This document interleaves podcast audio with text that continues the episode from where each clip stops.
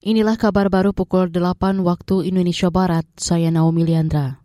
Aliansi Jurnalis Independen AJI bakal mendampingi dua jurnalis korban intimidasi saat meliput kasus baku tembak di rumah Kadif Propam Polri. Mereka akan didampingi untuk membuat laporan ke polisi. Kepala Divisi Advokasi Aji Erik Tanjung meminta semua pihak menghormati kebebasan pers.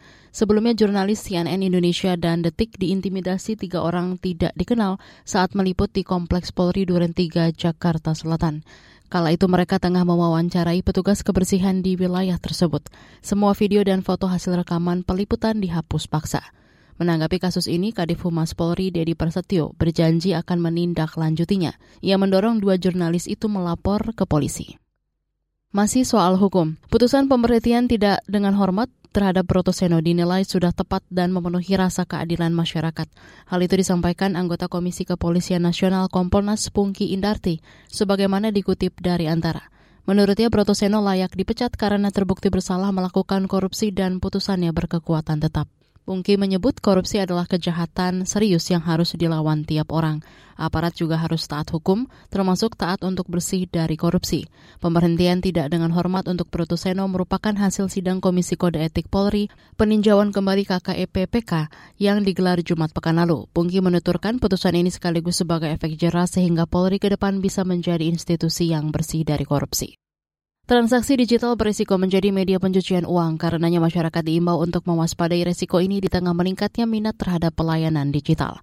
Hal itu diungkapkan Direktur Utama Lembaga Pengembangan Perbankan Indonesia LPPI Edi Setiadi dalam sebuah diskusi kemarin bahwa ini juga akan berakibat kepada pencucian uang, khususnya adalah dari hasil-hasil korupsi ya. Dan kita lihat juga beberapa yang sudah nampak di global ya, khususnya di Jerman pernah terjadi juga ya, itu Wirecard itu juga dengan transaksi digital yang palsu itu juga sudah hampir sekitar 2,1 miliar US dollar hilang ya dari rekening transaksi tersebut ya atau kira-kira 29,61 triliun ya. Dirut LPPI Edi Setiadi menambahkan transaksi digital sudah mencapai tujuh kali lipat dari nilai dana pihak ketiga di bank.